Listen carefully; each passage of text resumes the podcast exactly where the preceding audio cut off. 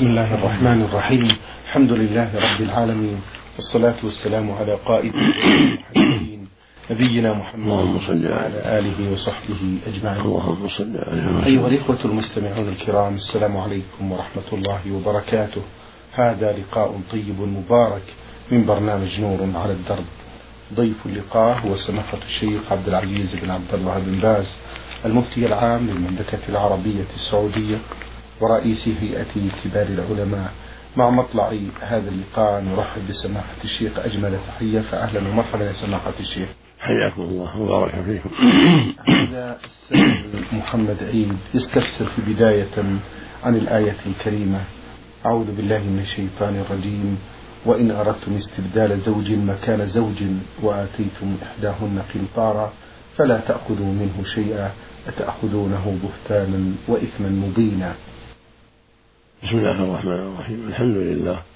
وصلى الله وسلم على رسول الله وعلى آله وأصحابه ومن اهتدى بهداه. أما بعد هذه الآية الكريمة ذكر أهل العلم أن معناها أن الإنسان إذا طلق امرأة وأراد يستبدل غيرها فليس له أن يأخذ مما أعطاها شيئا. ما أعطاها ملكته بما استحل من فرجها.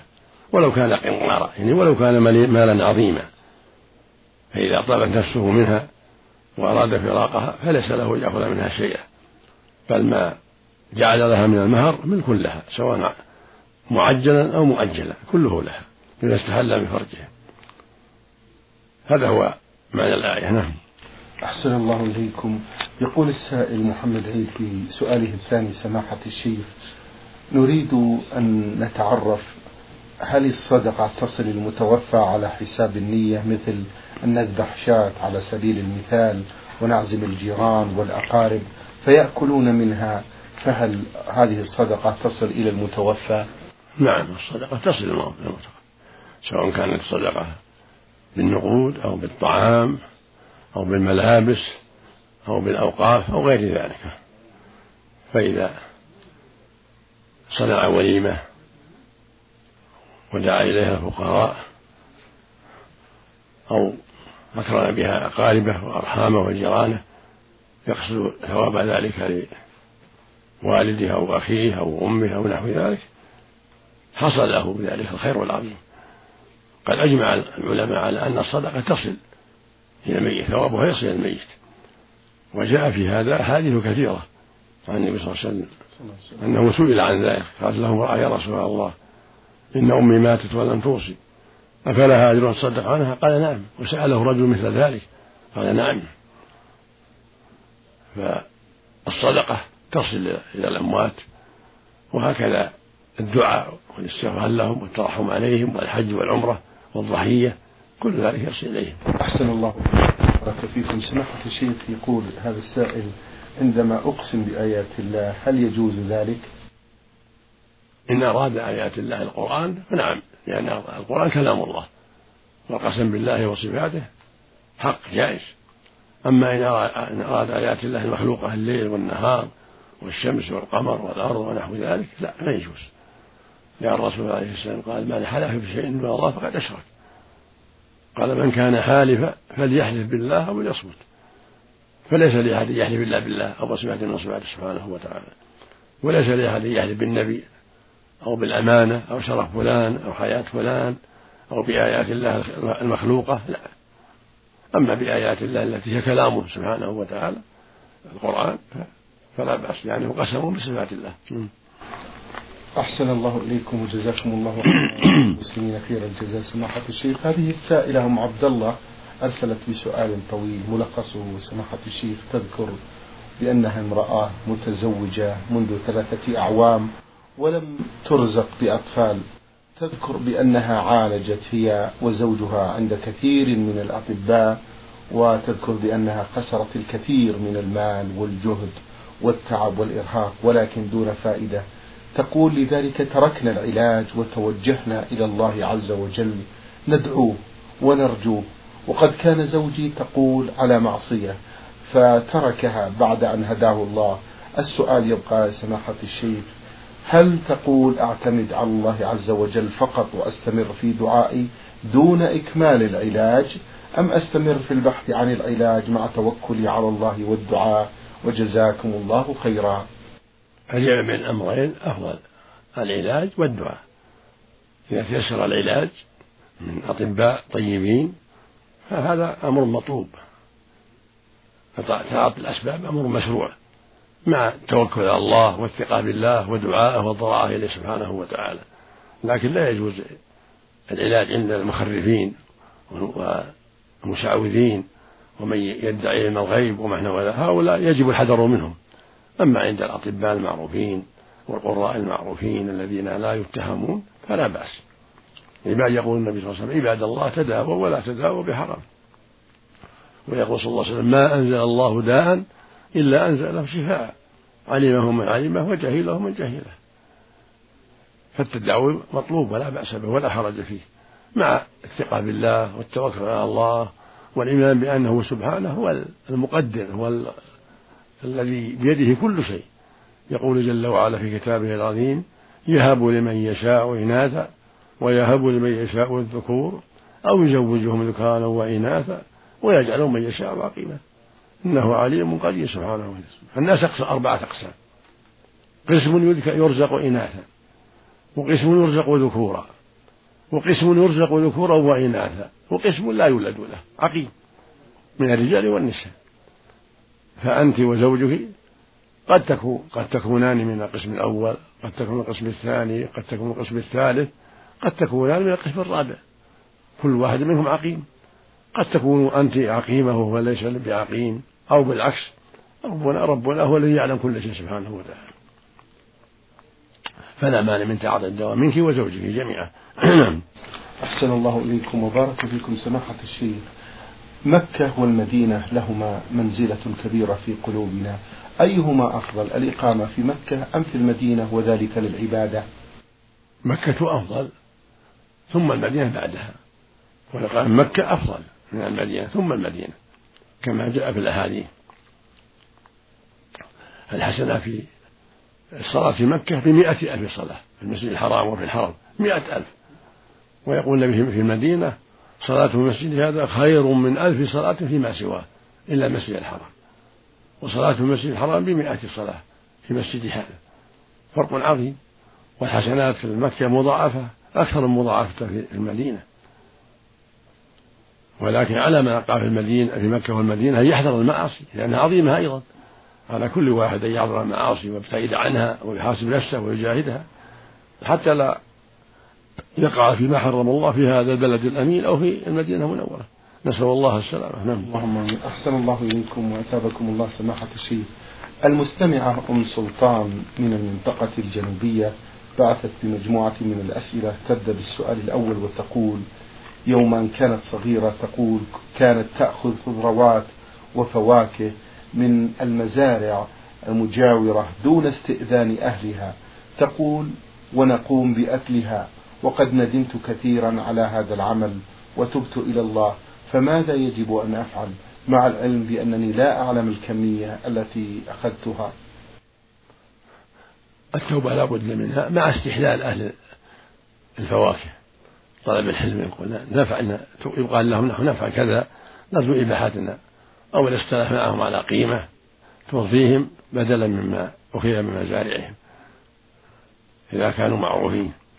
فالتوبة لا بد منها مع استحلال أهل الفواكه وطلب الإباحة منهم أو تعويضهم بما يرضيهم عن ذلك. نعم. أحسن الله إليكم سماحة الشيخ. تقول السائلة أم سلطان أمي تؤدي الصلاة أحيانا واقفة ثم تكملها وهي جالسة.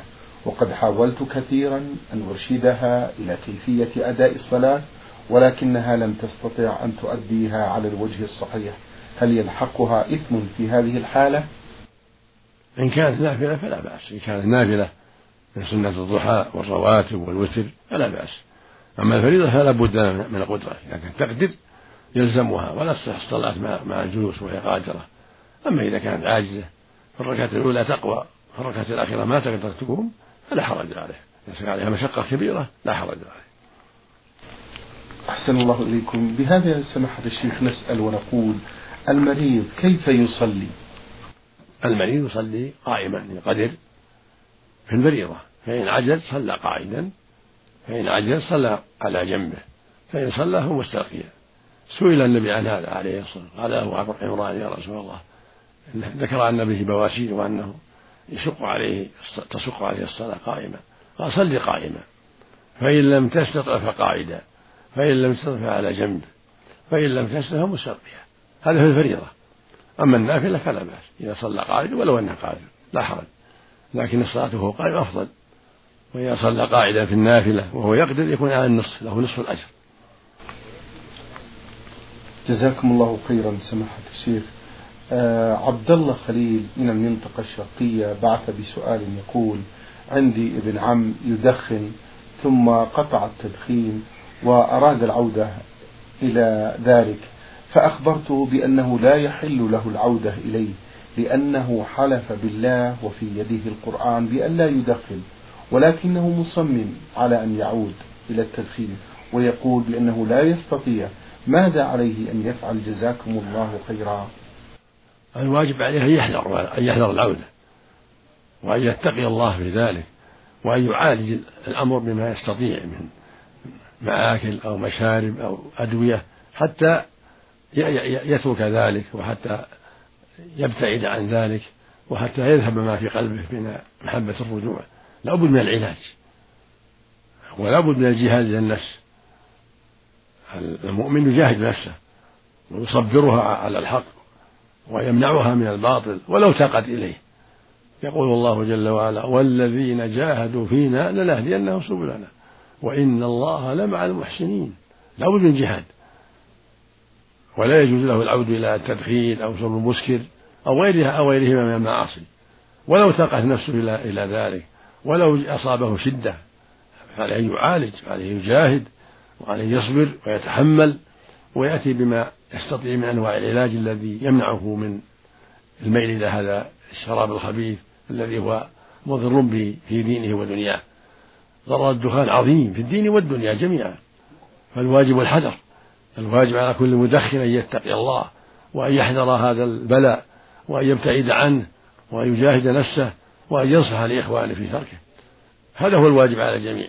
والله سبحانه يقول وتعاونوا على البر والتقوى.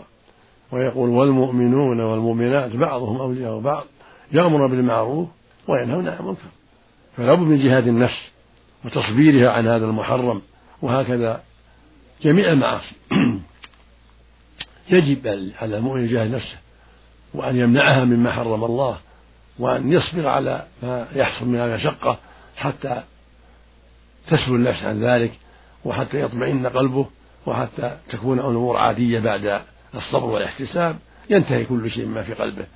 ويجعل الله في قلبه الإيمان والقوة ومحبة الخير وكراهة الشر بسبب جهاده لنفسه وصبره. فالكفار كانوا عندهم تشبث بالكفر وتعلق به ومحاربة دونه وجلاد بالسلاح. فلما شرح الله سلطانهم الإسلام تركوا ذلك وابتعدوا عنه وجعل الله في قلوبهم المحبة والإيمان والهدى وتركوا ذلك الذي كانوا يقاتلون عنه بالسلاح. نسأل الله السلامة. اللهم آمين. أحسن الله إليكم توصون هذا السائل سماحة الشيخ بالإخلاص في الدعاء. له أثر. نعم نعم نوصي في الدعاء. يسأل ربه يقال اللهم أجرني من هذا البلاء. اللهم اجعل في قلبي وفي نفسي ما يمنعني منه. اللهم اكفني شره واكفني شر نفسي. اللهم أنني من الشيطان. جهله يسأل ربه. الإعانة والتوفيق يسأل ربه التوفيق للصبر عن هذا البلاء وعن غيره من المعاصي. جزاكم الله خيرا سماحة الشيخ. هذا السائل آه، محمد أحمد من اليمن يقول سماحة الشيخ نرجو من سماحتكم أن تفتونا ما هي الأشهر الحرم وهل يجوز الصيد فيها لغير الحاج؟ الأشهر الحرم هي ذو القعدة وذو الحجة والمحرم ورجب أربعة. قال الله جل وعلا إنا عدة الشهور اثنى عشر شهرا في كتاب الله يوم خلق السماء. منها أربعة حرم هذه الأربعة. متوالية ثلاثة متوالية ذو القعدة وذو الحجة والمحرم عاشورا والرابع منفرد فرد وهو رجب بين جمادى وشعبان. هذه الأربعة الحرم والصيد فيها جائز. كان القتال فيها محرم كانت الجاهلية تحذر ذلك أيضا. ثم نسخ عند الجمهور القتال فيها وصار القتال فيها جائزا والصحابة قاتلوا الروم غير الروم ولم يحفظ عنهم أنهم تركوا القتال في أشهر الحرم لعلمهم بأنه نسخ. أما الصيد فلا بأس في أشهر الحرم لكن لا يصير في الحرم في مكة والمدينة. حرم مدة حرم مكة وحرم لا يصل لا يصاد فيهما ولكن في الأشهر لا بأس أن يصيد في عاشور أو في الحجة أو في رجب أو في المحرم لا حرج في ذلك نعم. جزاكم الله عنا وعن المسلمين خير الجزاء. من ليبيا السائل عبد الله ألف ألف. سماحة الشيخ ما هي أقسام التوحيد؟ وهل لا بد للإنسان أن يتعرف عليها؟ أقسام التوحيد ثلاثة التوحيد الإلهية وتوحيد الربوبية وتوحيد الأسماء والصفات. وإذا عرفها المؤمن ولو ما عرف الأقسام. إذا كان قد وحد الله وآمن بأن الله ربه وإلهه ومعبوده الحق وأنه ذو الأسماء الحسنى والصفات العلى لا شبيه له ولا كفو له كفى. ولو لم يعرف الأقسام. لكن إذا عرفها يكون علم يكون من العلم الطيب. فالقسم الأول توحيد الربوبية الذي أقر به المشركون وهو أن يؤمن العبد بأن الله هو الخلاق الرزاق. هو الذي خلق الجميع هو الخلاق العليم وخلق الأرض وخلق السماء وخلق الجن وخلق بني آدم وخلق كل شيء. كما قال سبحانه الله خالق كل شيء. قد أقر بهذا المشركون. قال تعالى ولئن سألتهم من خلقه ليقولون الله. وقال تعالى قل من يعني قل للمشركين من يرزق من السماء؟ أم من يملك السماء والأبصار ومن يحيي الحي من الميت؟ ومن يخرج الميت من الحي؟ ومن يدبر الأمر؟ فسيقولون الله. يعني يعترفون بأن ربهم الله هو الخلاق الرزاق المحيي المميت الذي يرزقهم سبحانه وتعالى وهو اللي يدبر الأمور هذا أقربه ولكن لم يدخلهم في الإسلام لأنهم لم يأتوا بالتوحيد الثاني وهو توحيد العبادة وهو تخصيص الله بالعبادة الذي هو معنى لا إلا الله ومعناها لا معبود حق إلا الله. وهذا معنى قوله سبحانه في سورة الحج ذلك بأن الله هو الحق وأن ما يدعون من دونه هو الباطل. ومعنى قوله وما أمروا إلا ليعبدوا الله مخلصين له الدين حنفاء. ومعنى قوله فاعبدوا الله فاعبد الله مخلصا له الدين. ومعنى قوله وقضى ربك ألا تعبدوا إلا إياه. ومعنى قوله سبحانه إياك نعبد وإياك نستعين. لا بد من هذا. وهذا هو الذي جحده المشركون وأنكروه وجادلوا دونه. وصارت بينهم وبين الرسل العداوة والشحناء. وهدى الله من هدى له من ممن سبقت له السعادة. وهو الإيمان بأنه لا معبود حق إلا الله. وهذا هو معنى لا إله إلا الله. يعني أي لا معبود حق إلا الله. قال جل وعلا وإلهكم إله واحد. لا إله إلا هو الرحمن الرحيم. قال سبحانه فاعلم أنه لا إله إلا الله واستغفر لذنبك. وقال جل, جل وعلا عن المشركين إنهم كانوا إذا قيل لهم لا إله إلا الله يستكبرون. ويقولون أئنا لتاركوا آلهتنا لشاعر مجنون. وقال في سورة صاد عن الكفرة أنهم قالوا أجعل الآلهة إلها واحدا إن هذا لشيء عجاب. فالمشركون أنكروا هذا؟ لأنهم اعتادوا عبادة الأصنام والشمس والقمر والنجوم. الكفار أقسام. وكفار العرب اعتادوا عبادة الأصنام والأموات والأحجار والأشجار كما قال تعالى أفرأيتم اللات والعزى ومناة الثلاث الأخرى. ألكم الذكر وله الأنثى؟ تلك إذا قسمة ميزة إن هي إلا أسماء سميتموها أنتم وآباؤكم ما أنزل الله بها من سلطان. إن يتبعون إلا الظن وما تهوى الأنفس. ولقد جاءهم من ربهم الهدى. فاللات رجل صالح كان يلت السويق الحاج كان يحسن الحجاج يلت لهم السويق فعبدوا وعبدوا صخرته التي كان يلت عليها. والعزى شجرة بين الطائف ومكة. كانوا يعبدونها. تعبدها قريش وتدعوها. كان فيها جن يلبسون عليهم ويتكلمون من داخلها. ومناة صخرة بالمشلة عند قدين في طريق المدينة. كان يعبدها الأنصار وغيرهم الأوس والخزرج وغيرهم. فأنزل الله فيها ما أنزل وأبطلها.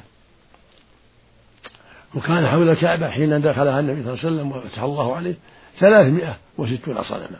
كلها حول الكعبة. منها هبل الذي يعظمونه الذي قال فيه أبو سفيان يوم أحد اعلوا هبل. قال الله قال الرسول لهم قولوا الله أعلى وأجل. قال لا العزى ولا عزى لكم.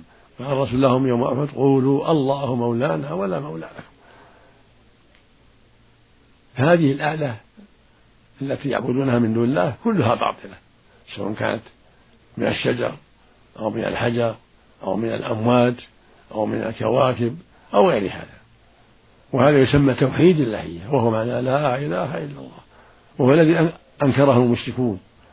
وجالدوا دونه وقاتلوا وجاءت به الرسل ودعت إليه الرسل. قال تعالى ولقد بعثنا في كل أمة رسولا أن يعبدوا الله واجتنبوا الطاغوت. قال تعالى وما أرسلنا من قبلك من رسول إلا نوحي إليه أنه لا إله إلا أنا فاعبدون. ولا بد مع هذا التوحيد من الإيمان بالرسول صلى الله عليه وسلم والشهادة بأنه رسول الله وأنه خاتم الأنبياء لا بد من هذا. ولا بد أيضا من الإيمان بجميع ما أخبر الله به ورسوله مما كان ويكون لا يتم التوحيد والإيمان إلا بهذا.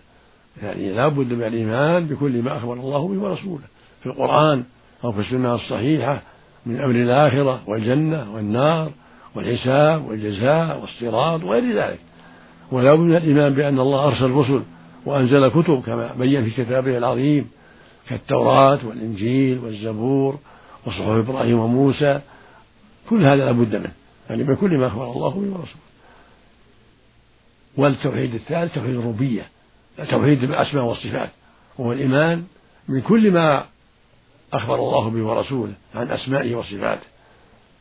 لا بد من الإيمان بذلك وأنه سبحانه له الأسماء الحسنى وله الصفات العلى لا شبيه له ولا كفو له ولا عند له. كما قال عز وجل ولله الأسماء الحسنى فادعوه بها. قال سبحانه بسم الله الرحمن الرحيم هو الله الذي لا إله إلا هو الملك القدوس السلام المؤمن المهيمن العزيز الجبار المتكبر سبحان الله عما يشركون هو الله الخالق البارئ المصور له الأسماء الحسنى يسبح له ما في السماوات والأرض وهو العزيز الحكيم. لا بد من الإيمان بهذه الأسماء ومعانيها.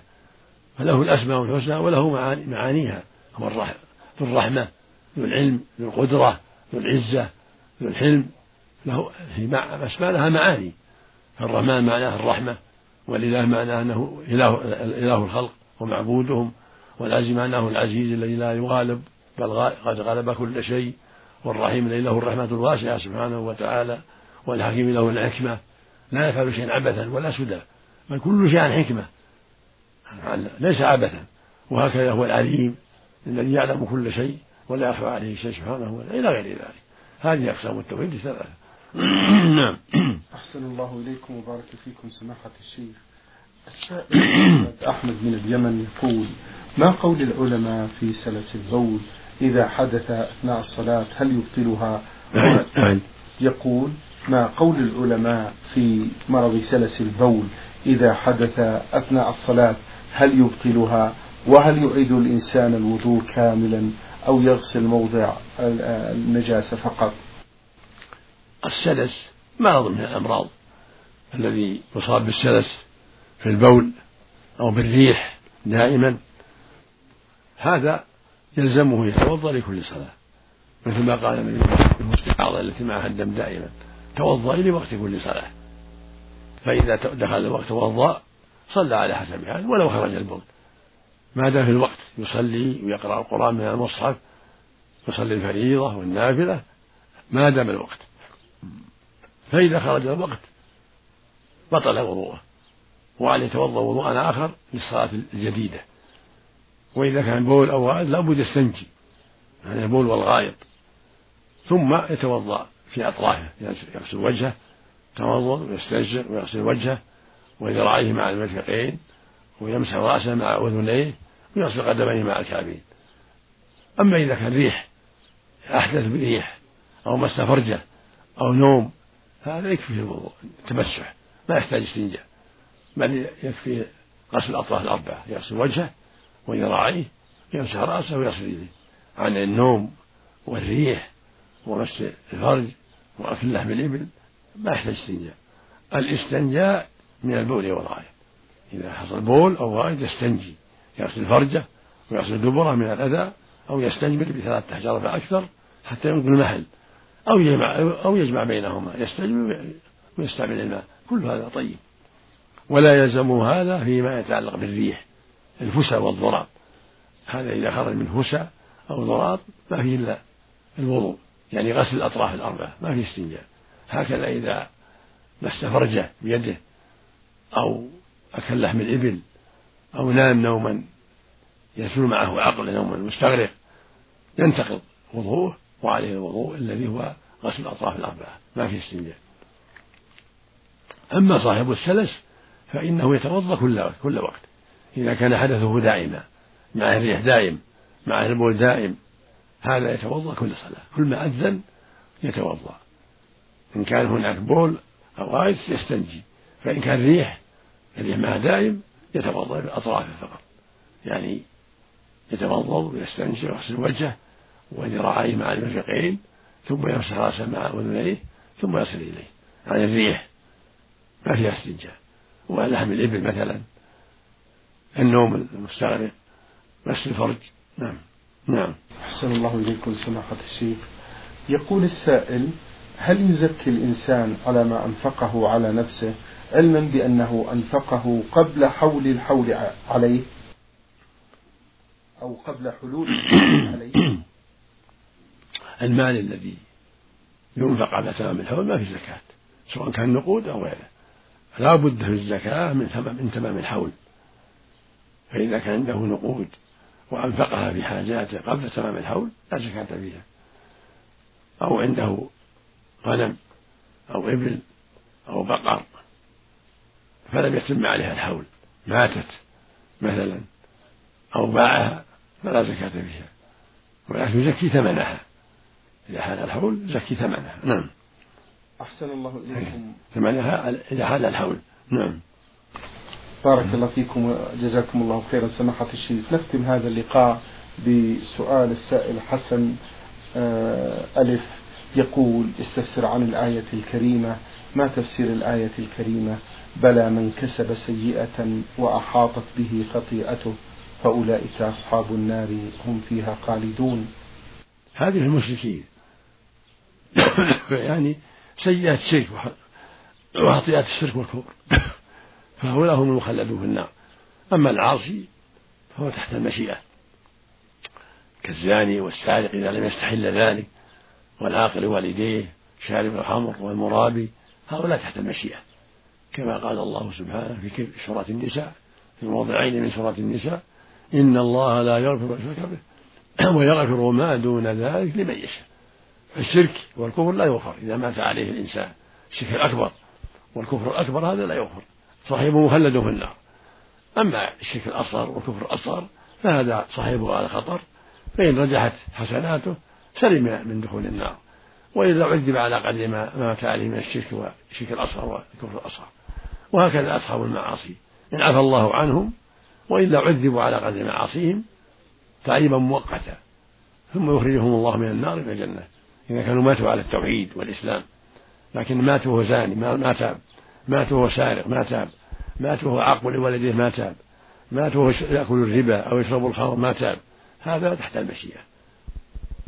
بعضهم يعفو الله عنه وبعضهم يدخل النار. ويعذب النار على قدر المعصية. التي فعلها واستمر عليها. ثم يخرجه الله من النار بفضل رحمته جل وعلا إلى الجنة. ولا يخلد في النار أبد الآباد إلا الكفار الكفر الأكبر والشرك الأكبر. هم اللي يخلدون في النار أبد الآباد. كما قال الله في حقهم كذلك يريهم الله أعمالهم حسرات عليهم وما هم بخارجين من النار. وقال في شأنهم سبحانه يريدون أن يخرجوا من النار وما هم بخارجين منها ولا هم عذاب مقيم نسأل الله العافية. شكر الله لكم سماحة الشيخ أثابكم الله وبارك فيكم وفي علمكم ونفع بكم الإسلام والمسلمين. أيها الإخوة والأخوات أجاب عن أسئلتكم سماحة الشيخ عبد العزيز بن عبد الله باز المفتي العام للمملكة العربية السعودية ورئيس هيئة كبار العلماء. شكر الله لسماحته وشكرا لزميلي مهندس الصوت فهد العثمان والسلام عليكم ورحمة الله وبركاته.